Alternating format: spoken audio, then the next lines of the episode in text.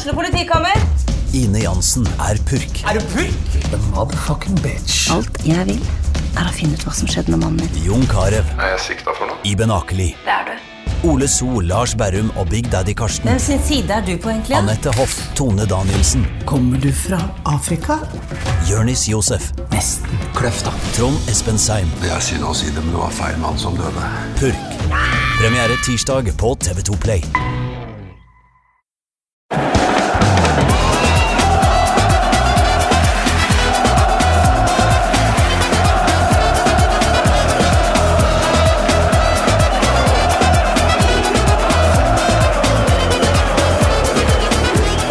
Velkommen til ukas eh, normale Pyro Pivo-episode. Jeg kan jo nevne med en gang eh, at vi har en bonusepisode ute akkurat nå, som eh, er gjort i samarbeid med eminente Drita Halbseit. Jeg var nemlig på Rorball 2019 i helga, og vi spilte inn en oppsummering oppsummering derfra alle seks, eh, fra en Airbnb-leilighet i Bochum, etter veldig mange Moritz Fige. Nå er jeg derimot edru, enn så lenge. Og det er også du, Martin Roppestad fra Toppfotball. Velkommen. God dag, god dag. Du er min eneste gjest i dag. Ja, Ingen flere introduksjoner. Uh, En ære. Uh, takk, det samme. Å ha deg eh, rett overfor meg sånn, Mm. med, med de intense øynene. uh, og bassrøsten. Det, det ble ikke noe toppfotball denne uka, så du er sultefora på å prate inn i en mikrofon. Ja, det ble ikke det, altså. Vi har jo sendt eh, Lasse Wangstein til Syden eh, på rekonvalenstur. eh, nei, er Etter Birken? eh, etter Birken, ja. Eh, det har sittet såpass lenge i at vi måtte sende han til Syden. Og en rolig all inclusive der. Eh, og Joakim Bårdsen er jo i Polen for å dekke dette U20-mesterskapet, VM. Ja, det må vi snakke litt om etter hvert. Det vil jeg absolutt gjøre. Og Jørgen Kjernås hadde andre forpliktelser. Og da er det en ensom stakkar som står igjen, da. Ja, og det, det har skjedd med meg en gang også. Eh, Nå er jeg, vel, jeg er litt mer avhengig av å få inn eksterne da, for, å, for å få til en pod. Dere kunne jo klart dere om det var ett forfall, eller kanskje til og med to. Men en gang så mista jeg en gjest. eh, Det var i sesong én, begynner å bli en stund siden. Eh, og fant ut at jeg, jeg kunne jo ikke ikke gi ut noe. Så jeg um, fant et um, reisebrev jeg hadde skrevet fra Beograd i Humbug og Kanari, en fotballfanzine, skrevet med veldig fanzinespråk. Og leste rett og slett den inn som en slags lydbok. Okay. Det er det flaueste jeg noensinne har gjort. Hvordan var responsen på det, da? Det er eh, eh, så, Nå har man jo kanskje litt selektiv hukommelse, da. men jeg, jeg tror ingen har sagt at det var dritt. Det, det var noen som til og med skulle ønske det kom flere, men det Altså, du har jo podkasta i noen år, du også, du veit at det er mye gærninger der ute. Absolutt. Uh, men jeg, jeg, har nok, jeg har ikke noe lyst til å gjøre det igjen. Så det var jo fint at uh, altså den enes død er den andres brød. Ja. Og for både meg og lytterne så blir det da fortsatt roppestå i øra denne uka, selv om det ikke ble toppfotball. Ja, det er sant. Ja, kanskje vi skal eh, tipse våre lyttere da, om at denne finnes, sånn at man kan ha det som en slags erstatning. Jeg kan jo i den sammenheng eh, snakke om en gang jeg sto der i beita, for da fikk vi også en kansellering fra en gjest i siste lita, og ingen av de andre gutta kunne være med. Da forsøkte jeg meg på en episode hvor jeg ringte rundt til de andre gutta i redaksjonen. Den husker jeg, Det er det tristeste promobildet på Instagram noensinne. Det Bare bilde av et tomt studio. Ja, det gjør vi ikke igjen. Eh, det var ingen ubetinga suksess, eh, selv om vi heller ikke på den har mottatt, eh, mottatt noen veldig negative tilbakemeldinger. Kanskje det har blitt en slags sånn kultepisode? Jeg, jeg tror at når man har holdt på så lenge som både dere og, og vi har gjort, eh, så har man så lojale lyttere at dersom det er et lite avvik, oftest et teknisk et, eh, f.eks. at du har dem på telefonen i stedet, så vil det mange i hvert fall kanskje bare synes det er sjarmerende. Kanskje. Uten at vi skal spekulere i å, å lage mye jalla-episoder. Ja. Um, for dere som kødder med folks hverdag og sånn. Ja, når, du, eh, når du kødder med episodene. Ja, men det er ikke kødd engang. Nei, det er sant. Det ble mye kødd på en gang. Ja. Uh, men uh, Martin Roppestad, hva det, det er sikkert mange som tror at vi skal snakke mye norsk fotball i dag, og det blir det jo. Men når det bare er du og meg, Ja. så sitter det sikkert noen stakkarer oppe i Molde og tenker at eh, gudskjelov, han derre Trym Hogner, han fælingen fra Romerike, han er ikke her. Da får vi kanskje være litt i fred. Men uh, du fortalte meg noe før vi gikk inn i studio her som gjør at vi kanskje må starte i Molde likevel. Er det Er det Er de seg selv like der oppe? Altså, jeg blir jo eh, Nå skal det Jeg plukka opp en, en tweet her fra Christian Gauseth, eh, som jo er fra de traktene, uh, før vi gikk i studio. Han uh, videreformidlet et lesebrev fra et leserinnlegg fra en Sverre Sivertsen, som var sendt inn til RB Nett. Altså Romsdals Budstikke? Det stemmer.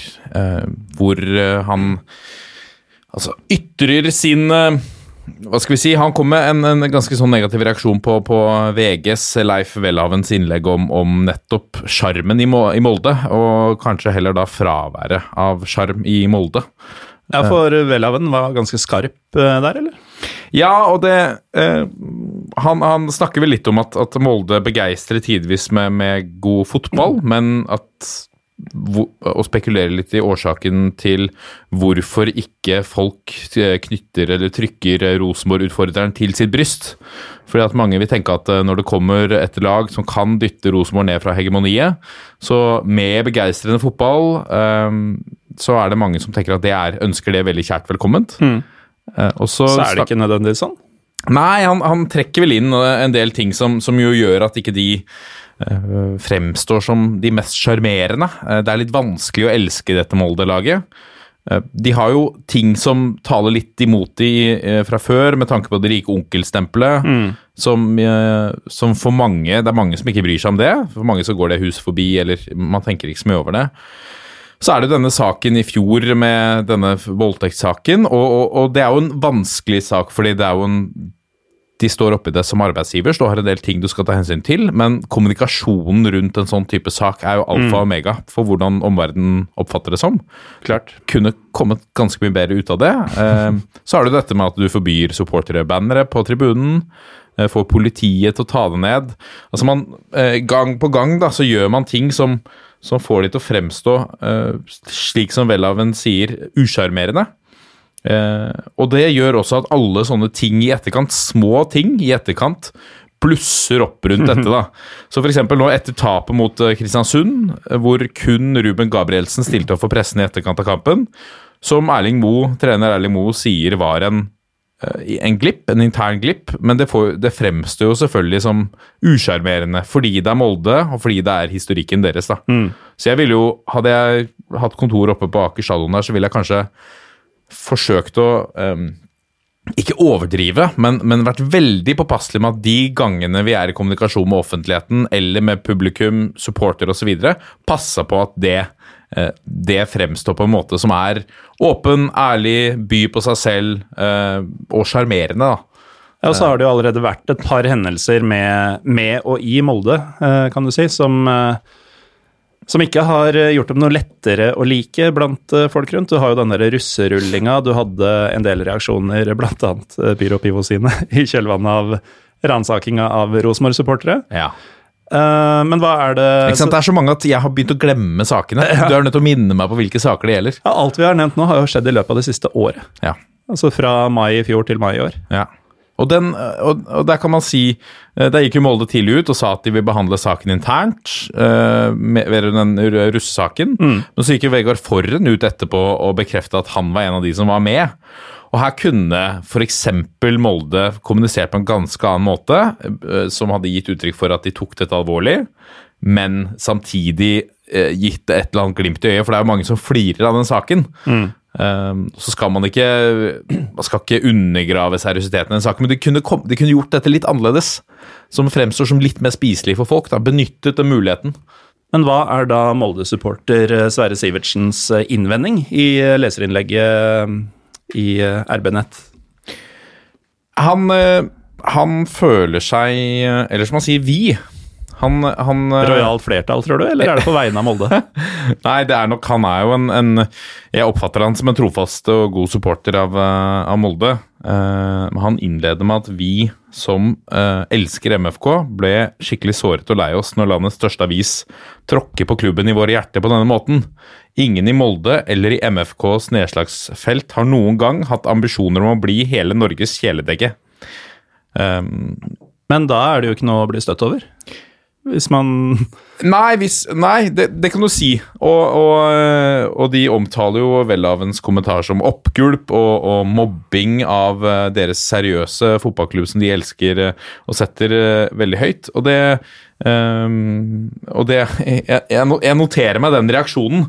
Uh, men her er det mye som man kunne ta tak i. Men, men vi har jo nevnt en del tilfeller som jo er med på å påvirke inntrykket av Molde fotballklubb til andre enn Molde fotballklubb. Og så er det nå engang sånn at når du er eh, en klubb i Eliteserien i Norge, så fører det også med seg litt forpliktelser til, til eh, kanskje hvordan man burde fremstå. Eh, og det er faktisk De har et ansvar som rollemodeller for andre enn bare seg selv. Så hvis du spiller i Eliteserien, som er vår nasjonale og vår fremste liga, og som er et utstillingsvindu for norsk fotball internasjonalt, så må du faktisk bry deg litt mer om deg selv, eh, og, og hva de i regionen der oppe eh, tenker om klubben din. Og så jo, bør du kanskje da ta innover deg noen signaler som kommer fra utenfor ditt eget fylke, på hvordan klubben fremstår. Fordi han peker også på at Welhaven ikke kjenner klubben fra innsiden. Nei, det, det antar jeg jo. Jeg antar at han er mer enn nok opptatt av å, å skrive i VG til at han eh, kan ta seg en deltidsjobb på innsida av Molde fotballklubb. Men eh, Med mindre VG lager en på innsiden. ja, ikke sant? På innsiden av Molde. Men dette er sånn veldig mange oppfatter Molde fra utsiden. Og, og da bør man kanskje ta med det i vurderingen av når man, når man, når man eh, snakker om sin egen klubb. Vi har jo ramset opp en del tilfeller her. eh, nå senest at, at eh, Ruben Gabrielsen eh, var den eneste Molde-spilleren som dukket opp eh, etter eh, tapet mot Kristiansund I pressesonen. i pressesonen. Eh, og dette er sånne små ting som, som eh, kanskje var en intern misforståelse, slik som trener Erling Moe sa, men som i kjølvannet av alle disse sakene som nå har vært på et år, eh, kan Det ser rett og slett ikke bra ut. Nei, og det, og det, negative, det blir negativ forsterkning av sånne type saker, da. Um, og jeg tror at, at uh, Han sier også at de er fornøyd med å ha 6500 mennesker på, på tribunen, og at de 6500 elsker Molde. Og hvis det er der uh, man legger lista, uh, og at man ikke ser verdien i at man får en oppslutning i Norge, som kan støtte de hvis de har ambisjon om å komme seg til gruppespill Europa, Europaliga, gruppespill Champions League, i den grad det er mulig lenger, så er man nok avhengig av å få en litt mer nasjonal støtte hvis, hvis de har et forbilde som f.eks. For Rosenborg da de herja i Europa. Ikke sant? Og Um. de, de fikk jo til en viss grad det. De ble jo omtalt i mediene som hele Norges Rosenborg. Ja, og de viste, ikke sant? De viste Rosenborg-kamper på Bohemen sportspub, Vålerenga-puben i, i, eh, i Oslo. Um, Det er ikke fake news, det skjedde. Ja, det skjedde. Jeg, jeg satt jo der. Jeg har sittet der og sett Rosenborg-kamp, jeg. Uh, og hvor Vålerenga-fansen sitter der og ikke vet helt om de skal juble eller deppe over at Rosenborg skårer.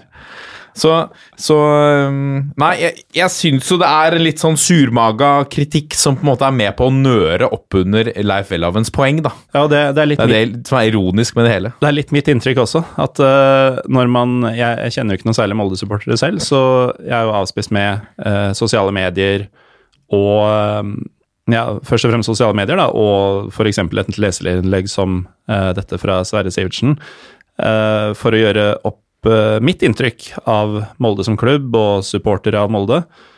Og det er, eh, det er- noe sånn offerrollepreg der. At det er veldig fort forsvarsposisjon, eh, og ikke så interessant å faktisk diskutere sakene, da. Og igjen, dette er jo som du sier noe som baller på seg med ingen kommentar-greiene til direktør Nederland, til sånn som at bare Ruben Gabrielsen dukker opp. Det er så mye sånn småting som til sammen bare bli med på å lage en sånn eh, illusjon av at eh, ja, men sånn er Molde. De er ikke noe ålreite. Nei, liksom- og da hjelper ikke det rike, rike onkel-stempelet, for da, da tar man med det, og det nører opp under dette med arroganse og det som også snakkes om, da. Eh, Altså, og, og kan- dette kommer de til å tape på. Dette taper de sponsorpenger på. Uh, altså potensielle sponsorer som som, uh, som, som de sikkert jobber med hele tiden. Dette går jo ikke de hus forbi. Nei, det er klart. Ehm, all PR er ikke nødvendigvis eh, god PR. Eh, I hvert fall ikke hvis det er gjentagende dårlig PR. Det er, stemmer nok. Men uh, apropos um, publisitet Altså bare, bare opps, altså, han avslutter jo også innlegget sitt med at han oppfordrer nå til alle supporterne av Molde skal boikotte VG. Han signerer innlegget med det. Så, så det Så det Ja. Uh, Ja, men Skal man ikke ha lov å skrive negativt om en norsk eliteserieklubb? Hvis, hvis man mener at det er et eller annet kritikkverdig der? Ja, ja. Om, man, om man er rikspressen? jeg oppfatter jo kritikken som ganske Som ganske saklig. Uh, det det høres ut som Leif Welhaven. Ja, uh, det er som vi kjenner han, i hvert fall så langt. Um, og så tror jeg at, at Molde nok oppfatter at mange kritiserer de veldig mye. Eh, jeg kan jo snakke på vegne av, av toppfotball, da, vi som møtes eh, og snakker norsk ball en gang i uka. Vi er jo ganske harde med pisken også hva gjelder Rosenborg, f.eks. Mm. hvor eh, de har gått trampa videre fra den ene medieskandalen etter den andre i forhold til håndtering av kommunikasjon da, Ja. det siste året. Så, så, så det er mange her som har en jobb å gjøre, og Molde er en av de. Eh, og da, da tar det seg kanskje Kanskje tar seg litt bedre ut å vedkjenne at her kan vi bli bedre. Legge seg litt flat for en gangs skyld og si at helt enig, her kan vi bli bedre, og vi skal jobbe med det. Det er ganske vanlig hvis du ser på TV2 Hjelper deg, f.eks. Noen påpeker at noen har gjort en feil. Man lærer av det, så jobber man videre. Og det er jeg spent på om vi får se da fra Molde. Og når det er sagt, da, så, så er jo dere i toppfotball vanlige mennesker som er lidenskapelig opptatt av norsk fotball, og følgelig har jo dere også deres favoritter i Norge. Uh, flere av dere har jo vært åpne om hvilke dette er. Eh, og disse lagene får jo ikke noe mindre medfart enn f.eks. Uh, ja, Brann eller Rosenborg. Altså, man er jo like kritisk mot uh, alle lag som det er noen grunn til å være kritisk mot. Det er ikke sånn at Ja, absolutt. Og kanskje de får kanskje desto mer uh, hardere Eller desto hardere medfart, medfart da.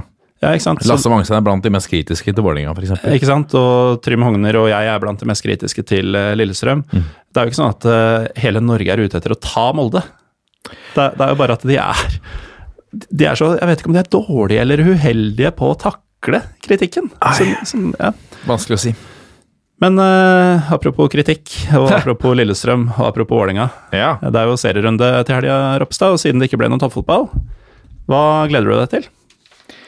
Ja, det er jo ett oppgjør for meg som står litt ut, eh, står litt ut da. Selvfølgelig er det det. Um, jeg har jo et, et hjerte for, eh, for uh, Vålerenga, jeg òg, selv om jeg er veldig glad i alle lagene i Eliteserien. Uh, og dette er jo uh, Hva sa du nå, du er glad i alle lagene i Eliteserien? Ja. Er du det? Ja. Det kan jeg oppriktig si.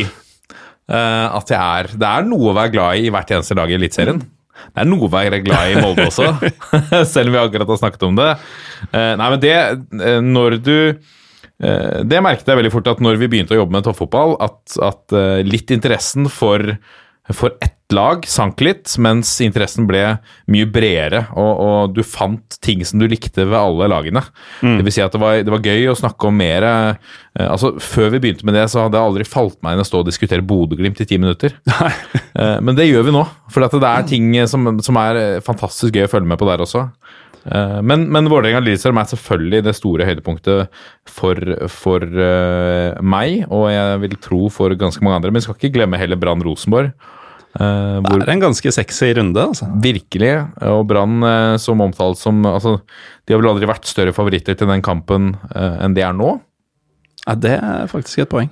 Så kanskje, Men kanskje det hjelper Rosenborg at de kan for en gangs skyld litt Altså slippe favorittstempelet før en, før en match. Hadde vært enormt typisk om, det, om den kampen ender 0-4 eller noe sånt. Ja, at man får en skrellere, det er, det er ikke utenkelig, det. Eh, ja, det er jo de to store De to store kampene her, selvfølgelig, i denne runden. Uh, Vålerenga, som, som er i kjempeform, ligger jo på medaljeplass uh, før, før denne runden. Skårer mål på bestilling. Absolutt. 17 møte- nå, så langt. Skal møte Eliteseriens desidert dårligste forsvar.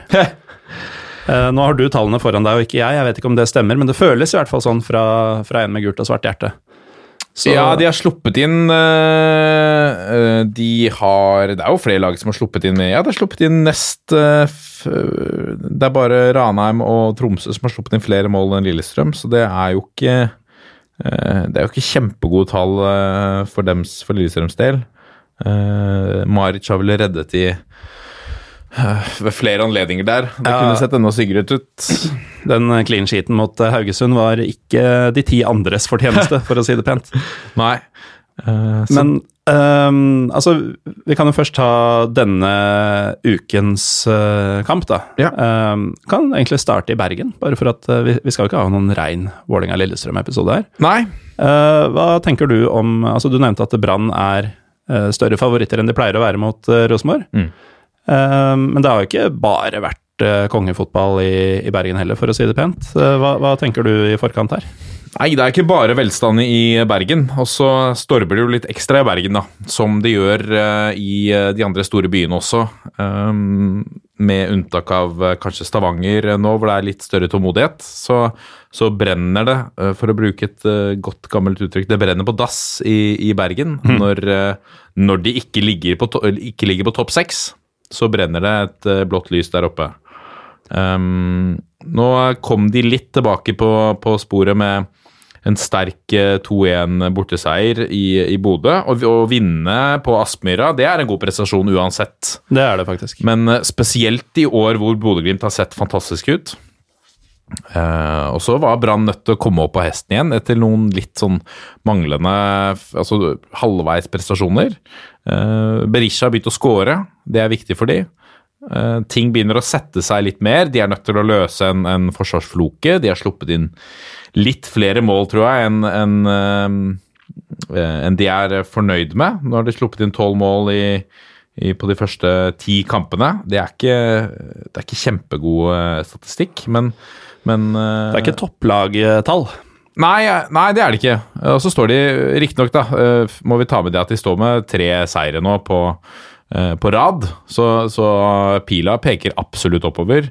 Eh, Og med én kamp mer spilt da, enn en lagene foran seg på tabellen. De ligger på 17 poeng nå, Brann, på femteplass.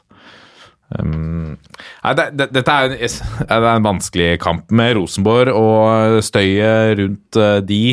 Eh, og så er det jo samtidig Det er jo, det er jo et spørsmål om tid da, før det, før det løsner litt. Jeg vil jo si, jeg vil jo si at uh, For Rosenborg, tenker du på? Ja, for Rosenborg Ja, er det det? Altså Sliter de bare med å finne en eller annen magisk formel, og så blir alt bra igjen? Eller er det Jeg tror ikke alt blir bra, men alt kommer til å bli bedre enn dette. Ja, det, Det, det tror jeg vi kan eh, slå fast. Rosenborg kommer ikke til å havne på nedre halvdel. Det kommer ikke til å skje. Og så var ikke 3-2 hjemme mot Mjøndalen noe friskmelding. Det er som Pål André Helland selv sa, at eh, det at Christian Gauseth får styre såpass mye på midtbanen på Lerkendal, det betyr at vi ikke er friske. Og så var det et, eh, et syrlig spark tilbake til Gauseth, som var eh, litt frisk mot de opprinnelig også. Så eh, jeg tror at, at eh, Jeg tror at vi får se et friskere Rosenborg etter sommervinduet. Jeg tror det må røskes tak i litt ting der. Um, og så er det det er, eh, det er fortsatt etterdønninger etter Altså, de hadde en rettssak i januar. ja. Det er, sånne ting påvirker en fotballklubb. Ja, ikke, bare, ikke bare én, kan du si. Nei, det var to rettssaker. Og da, eh, hva gjelder Niklas Bentner, så jeg for øvrig at Rosenborg har De kan vel ha med syv på benken uh, i cupen. De har valgt å ha med seks istedenfor å ta med Niklas Bentner. Så mm, God stemning. ja, det er, ikke, det er ikke på det beste der oppe i Trondheim. Uh, Men jeg tror det er et spørsmål om tid før det, før det eh, i hvert fall løsner litt mer, kan vi si. Men det er vel grunn til å tro at dette er eh, søndag klokka åtte-kampen. Det er eh, riktig. Flomlys, Brann stadion. Bør være bra bortefølge. Absolutt. Bør være bra hjemmepublikum. Ja.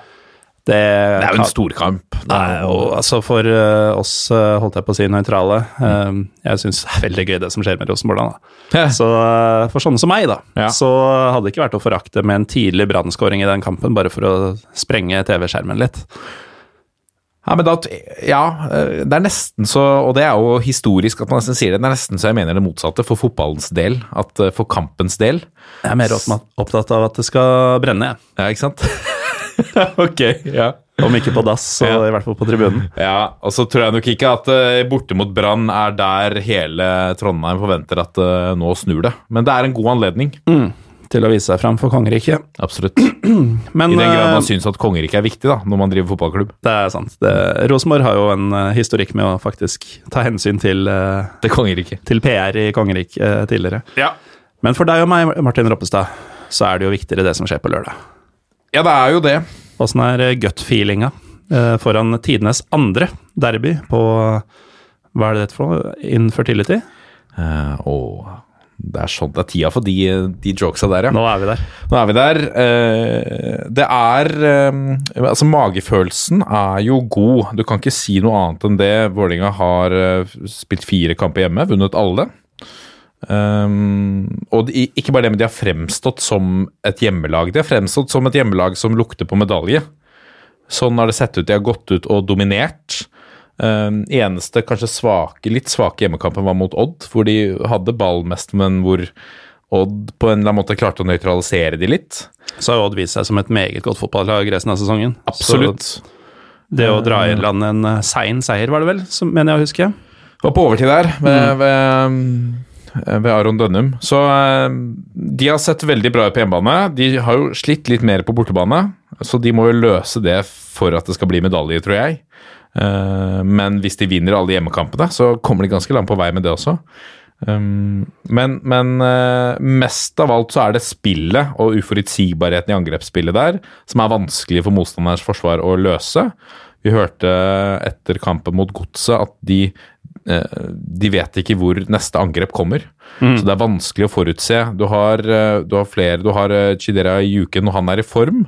Hvis han spiller i den hengende rollen, så er det et uromoment. Det er farlig hver gang han er rettvendt og kommer ballen. Jeg får litt sånn Morike av tidlig, Morike Fofana-vibber av han. At det er mye flash av at han er kul å se på, eh, men at eh, det har kanskje vært bedre i år, men eh, i fjor i hvert fall, at det sjelden ender med noe spesielt vettugt.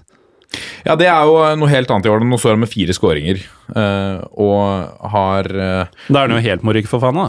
Gått fra gammel Morike til uh, ny Morike. Ja, han har, eh, han har Ja, han har fire skåringer, ingen assist. Um, men, men han ser helt, du har helt rett at han, han ser eh, annerledes ut i år. My, altså han har gjennomgått en forvandling i vinter. Han har blitt uh, coacha mye av trenerteamet der på at eh, fotball er et lagspill. Eh, I fjor og så lenge vi, vi har sett at det er et talent der, men det har vært fire-fem overstegsfinter og, eh, og misting av ball eller eh, Altså, det har vært finter uten noen form for mening, da. Så det er, det er kult å se på, men det er jo ikke noe effektivt. Mot uh, det Frode. Kippe ville være effektivt.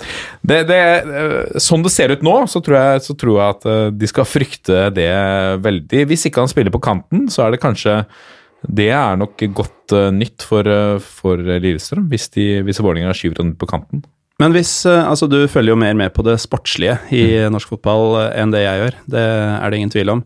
Uh, Vålerenga, som du har vært inne på, ser eh, veldig bra ut på hjemmebane. Eh, flyter godt offensivt. Ja. Eh, har du noe positivt å si om Lillestrøm? Altså, Er det noen grunn til at uh, folk som holder med Lillestrøm, eh, kan håpe på et slags resultat her? Er ikke det din rolle, Morten? Nei, jeg uh, tror nemlig det blir 5-0. Ja, ikke sant? For at du er Jeg er nok mer positiv på Lillestrøms vegne enn eh, deg. Uh, og det går eh, For det første så går det litt på at dette, denne kampen lever sitt eget liv. Det er det man bruker for å pushe tilskuere nå også. Ja. At, uh, glem det som skjedde mot Odd. Glem det som skjedde i forrige, de to forrige bortekampene, hvor man ble rundspilt Mm. av uh, Mjøndalen, og enda verre mot, uh, mot Glimt. Men eh, det er vanskelig å legge det til side, altså.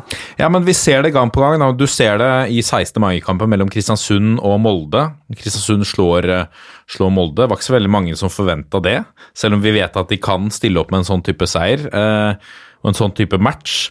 Vålerenga-Lillestrøm er- blir et tett oppgjør, det er jeg ganske sikker på. Tabellposisjon ikke like avgjørende. Og så vet jeg at man, man sier det til det kjedsommelige, men, men uh, uten å ha de tallene for Jeg kan jo se på de siste, de siste oppgjørene i uh, I vinter så endte jo en treningskamp uten at man kan legge så mye i det, endte jo 4-4. Så, og det var jo heller en svakere. Der leda jo Vålerenga 4-1, tror jeg. Eh, før det så er det ikke de altså det er ikke de mest målrike kampene. Endte 0-1 til Vålerenga på Åråsen i september 2018. Ja, takk, det gjorde det. Vår, vårkampen eh, vant Vålerenga 1-0. Eh, året før det så var det jo Lillestrøm som vant på høsten, eh, 2-1 på Åråsen, og Vålerenga som vant våroppgjøret 3-1. Så det er ikke Det er tette kamper. eh, alle, som, alle som spiller, de skjønner hva det innebærer. Det er bra trøkk på, på tribunen, selv med det er jo fordelen med, å- med å Eller hva skal vi si, en av de bra tingene med en Intility Arena, at det er bra trøkk. Ja, fordi eh, nå, altså spesielt Vålerenga, uh, der får jeg fulgt med kanskje gjennom TV-ruta, Ja. men stort sett gjennom sosiale medier. For jeg, jeg setter jo ikke fot der med mindre jeg må, da, sånn Nei, som på lørdag. Og um, inntrykket mitt er at øh, selv om altså, tilskuertall er som de er rundt omkring, men akkurat det ståfeltet der virker øh, å begynne å komme ordentlig på plass, altså. Ja, virkelig. Og det Jeg har vært der på alle hjemmekampene så langt, og det er jo en akustikk. Den er bygget, den har fått skryt, for den er bygget veldig riktig for å få Ja. frem akustikken. Og så hadde de glemt en vegg, men den fikk man ordna penger øh, til å skaffe selv. Kronerulling øh, Ja. blant supporterne. Ja, hele den stadiondiskusjonen, det er jo eh, ja, som å tråkke i, i brennesle, holdt jeg på å si, og uttale seg om det. Men, eh, men, eh, men, men det er noe som jeg tror eh, vil gagne Kanarifansen også nå på lørdag. Det er bra akustikk. Kanarifansen er Altså eh, de gangene jeg har vært på Åråsen, eh, synger gjennom 90 minutter, det er bra trykk, og den, den, den fordelen har de mulighet til å ta med seg til Intility. Ja, og jeg, jeg var jo der i fjor som, eh, som bortefan, og det er en deilig bratt tribune. Eh, Det er Altså, alle som bygger stadion, eh, bygg tribunene bratte, både langsiden og kortsidene. Det er så mye mer fryktinngytende, og det er så mye bedre for akustikken, og flere ser bedre, rett og slett. Um, så tribunen er bratt, um, og taket sin utforming eh, er eh, ja, akustisk riktig, da, som du, som du sier. Det har de også gjort på bortefeltet. Så jeg husker fra i fjor, før Ifeanyi Matthew bestemte seg for å tape derbyet med vilje på overtid, ehm, at eh, det, det drønna bra begge veier. Og, og sånn vil vi jo ha det. Uh, så er det jo litt sånn Sånne som meg, da, vil jo si at man godt kunne spilt disse kampene en tid på året hvor det er litt mørkere ute. Eh, prikk, prikk, prikk. Men eh, Ja, Hva legger du i det, da? Vil du ha flomlys, på en måte? Er, er det det du du kan kanskje kalle det flomlys på en måte, men eh, ja, ja, riktig. diverse lyskilder gjør seg Ja, bedre jeg forstår, på, jeg forstår. på en mørk novemberdag, eh, kveld enn en, en, en, lys og fin maidag. Litt pyro der, altså. Litt pyro.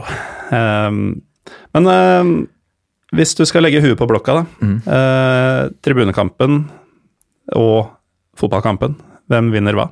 De fleste gangene så vinner jo ett lag, begge to.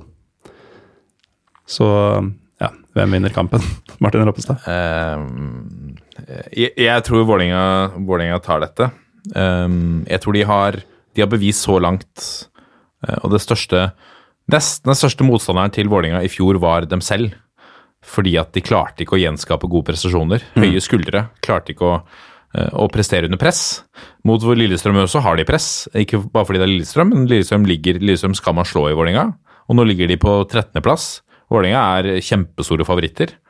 Eh, og det kan jobbe litt imot de. Det har vi sett før. Og så tror jeg at de har bedre kontroll på akkurat det der nå enn de hadde før. Eh, Jeg innbiller meg at det er, ehm, i hvert fall i treneren, eh, så er det mer punch hos Vålinga. Og jeg tror, ehm, tror det også manifesterer seg utad i spillertroppen. Jeg tror at det, uten at jeg kjenner Vålinga sin tropp spesielt godt, så innbiller jeg meg at det er litt mer uh, vinnervilje der enn enn det er i Lillestrøm akkurat nå. Bortsett fra da at uh, Smarason er tilbake og Daniel Pedersen spiller igjen, og Ja, og det kan være Det kan gi de en ganske uh, ny giv, da. Smarason er viktig for de. Uh, både i garderoben og, og på banen.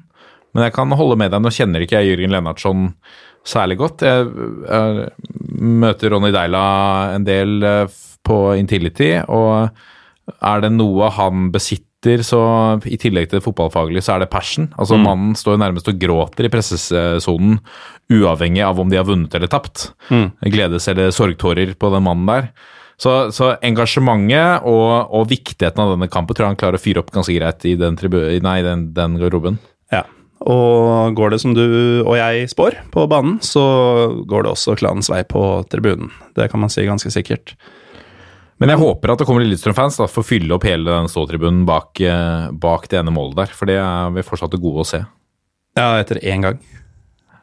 ja, ja, men på, på Intility generelt, da. Det Ja, ingen fullt- som har fylt borte, borte, borte feltet, eller tenker du svingen, eller Nei, egentlig hele den stadion, eh, altså hele tribunen bak, eh, altså bak målet, eh, motsatt side av klanen, har ikke vært full så lenge jeg har vært der.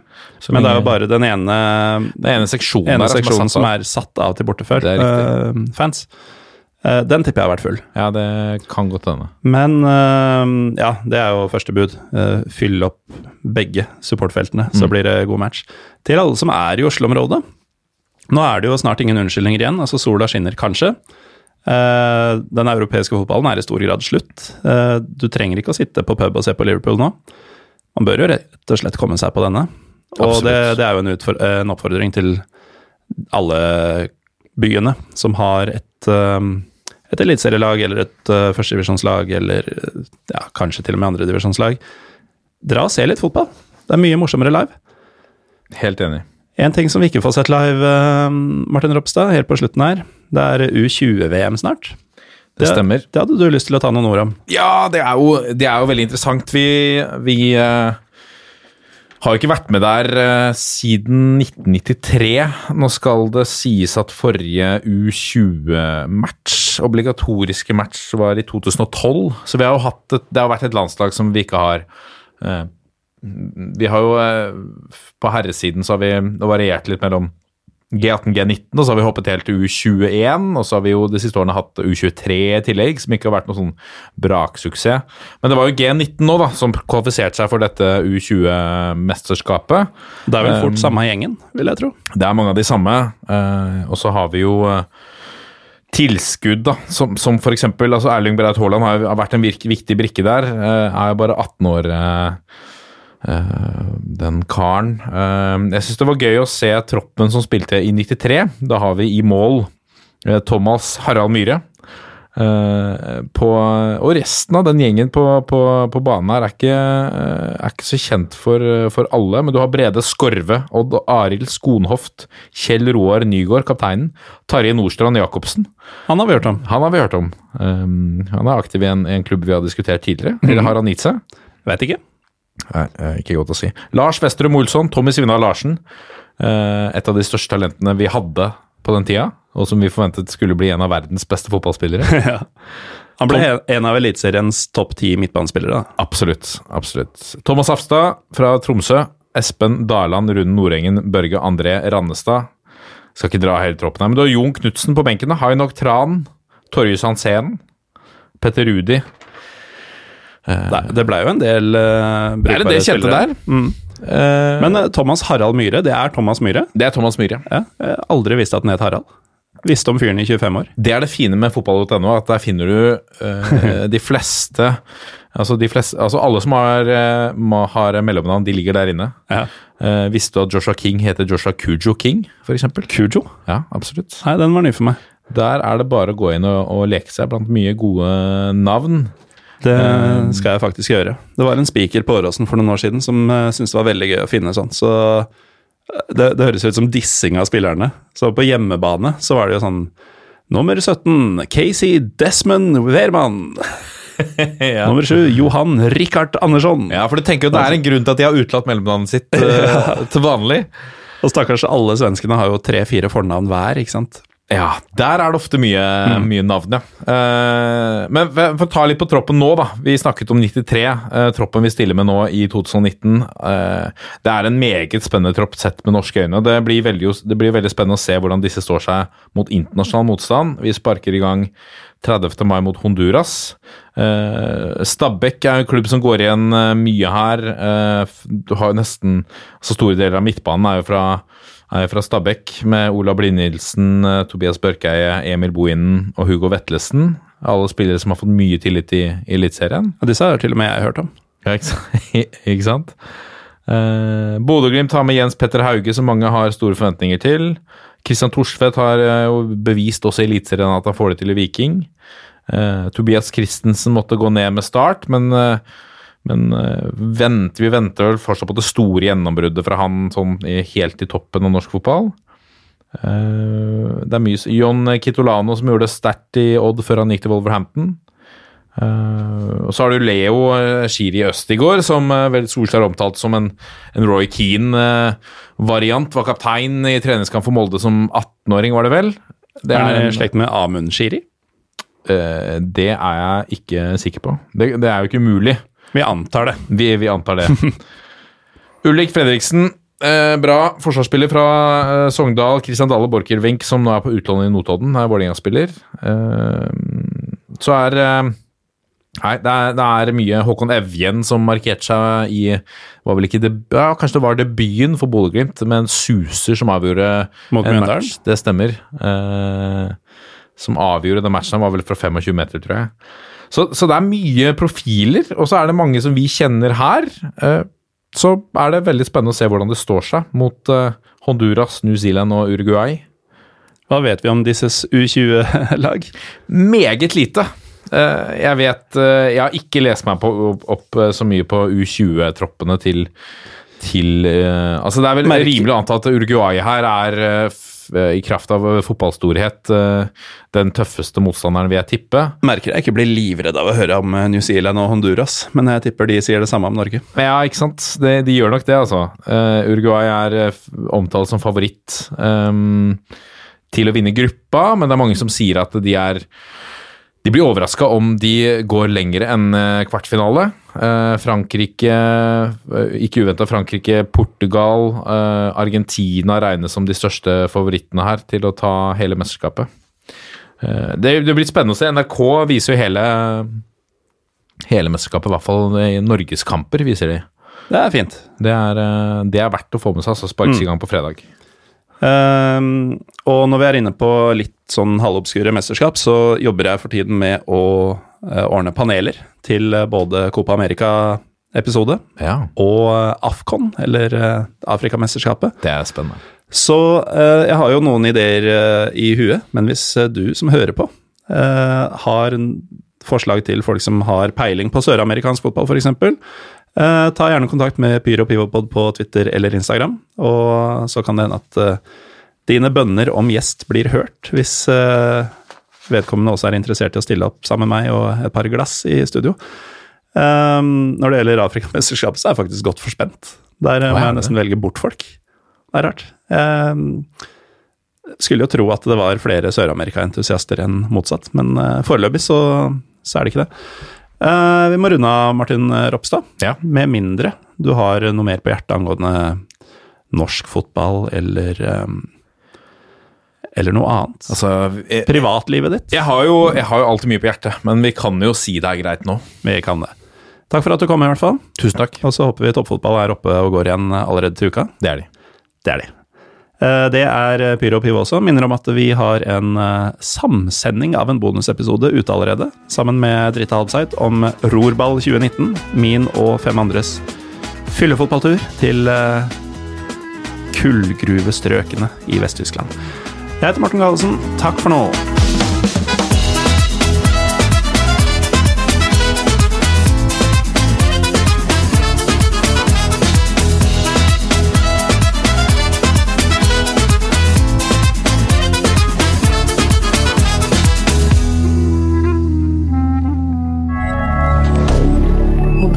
Media.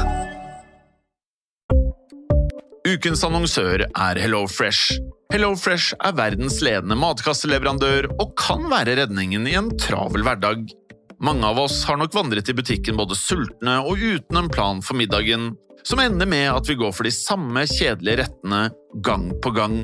Middag burde være dagens høydepunkt. Som HelloFresh kan du nå velge mellom 25 ulike retter hver eneste uke, eller få HelloFresh til å sette sammen menyen for deg. Dette gir deg muligheten til å prøve nye og spennende retter alene eller sammen med familien. Du velger antall porsjoner og får alt levert på døren på et tidspunkt som passer for deg. Oppskriftene er enkle, og maten er lett å lage både for store og for små. Ved å få alt levert hjem får du også mer tid til å dele matgleden med familie og venner. Kanskje det frister med asiatiske tacos eller greskinspirert kylling? Da kan jeg anbefale deg om å gå inn på hellofresh.no. Her kan du bruke koden FOTBALL og få opptil 1779 kroner i rabatt på de første fem matkastene hvis du ikke har prøvd HelloFresh tidligere. Du kan også bruke rabatten hvis du har vært kunde og stoppet abonnementet ditt for tolv måneder siden eller lengre. Gå inn på hellofresh.no og bruk koden FOTBALL. Har du et enkeltpersonforetak eller en liten bedrift? Da er du sikkert lei av å høre meg snakke om hvor enkelt det er med kvitteringer og bilag i fiken, så vi eh, gir oss her, vi. Fordi vi liker enkelt. Fiken superenkelt regnskap.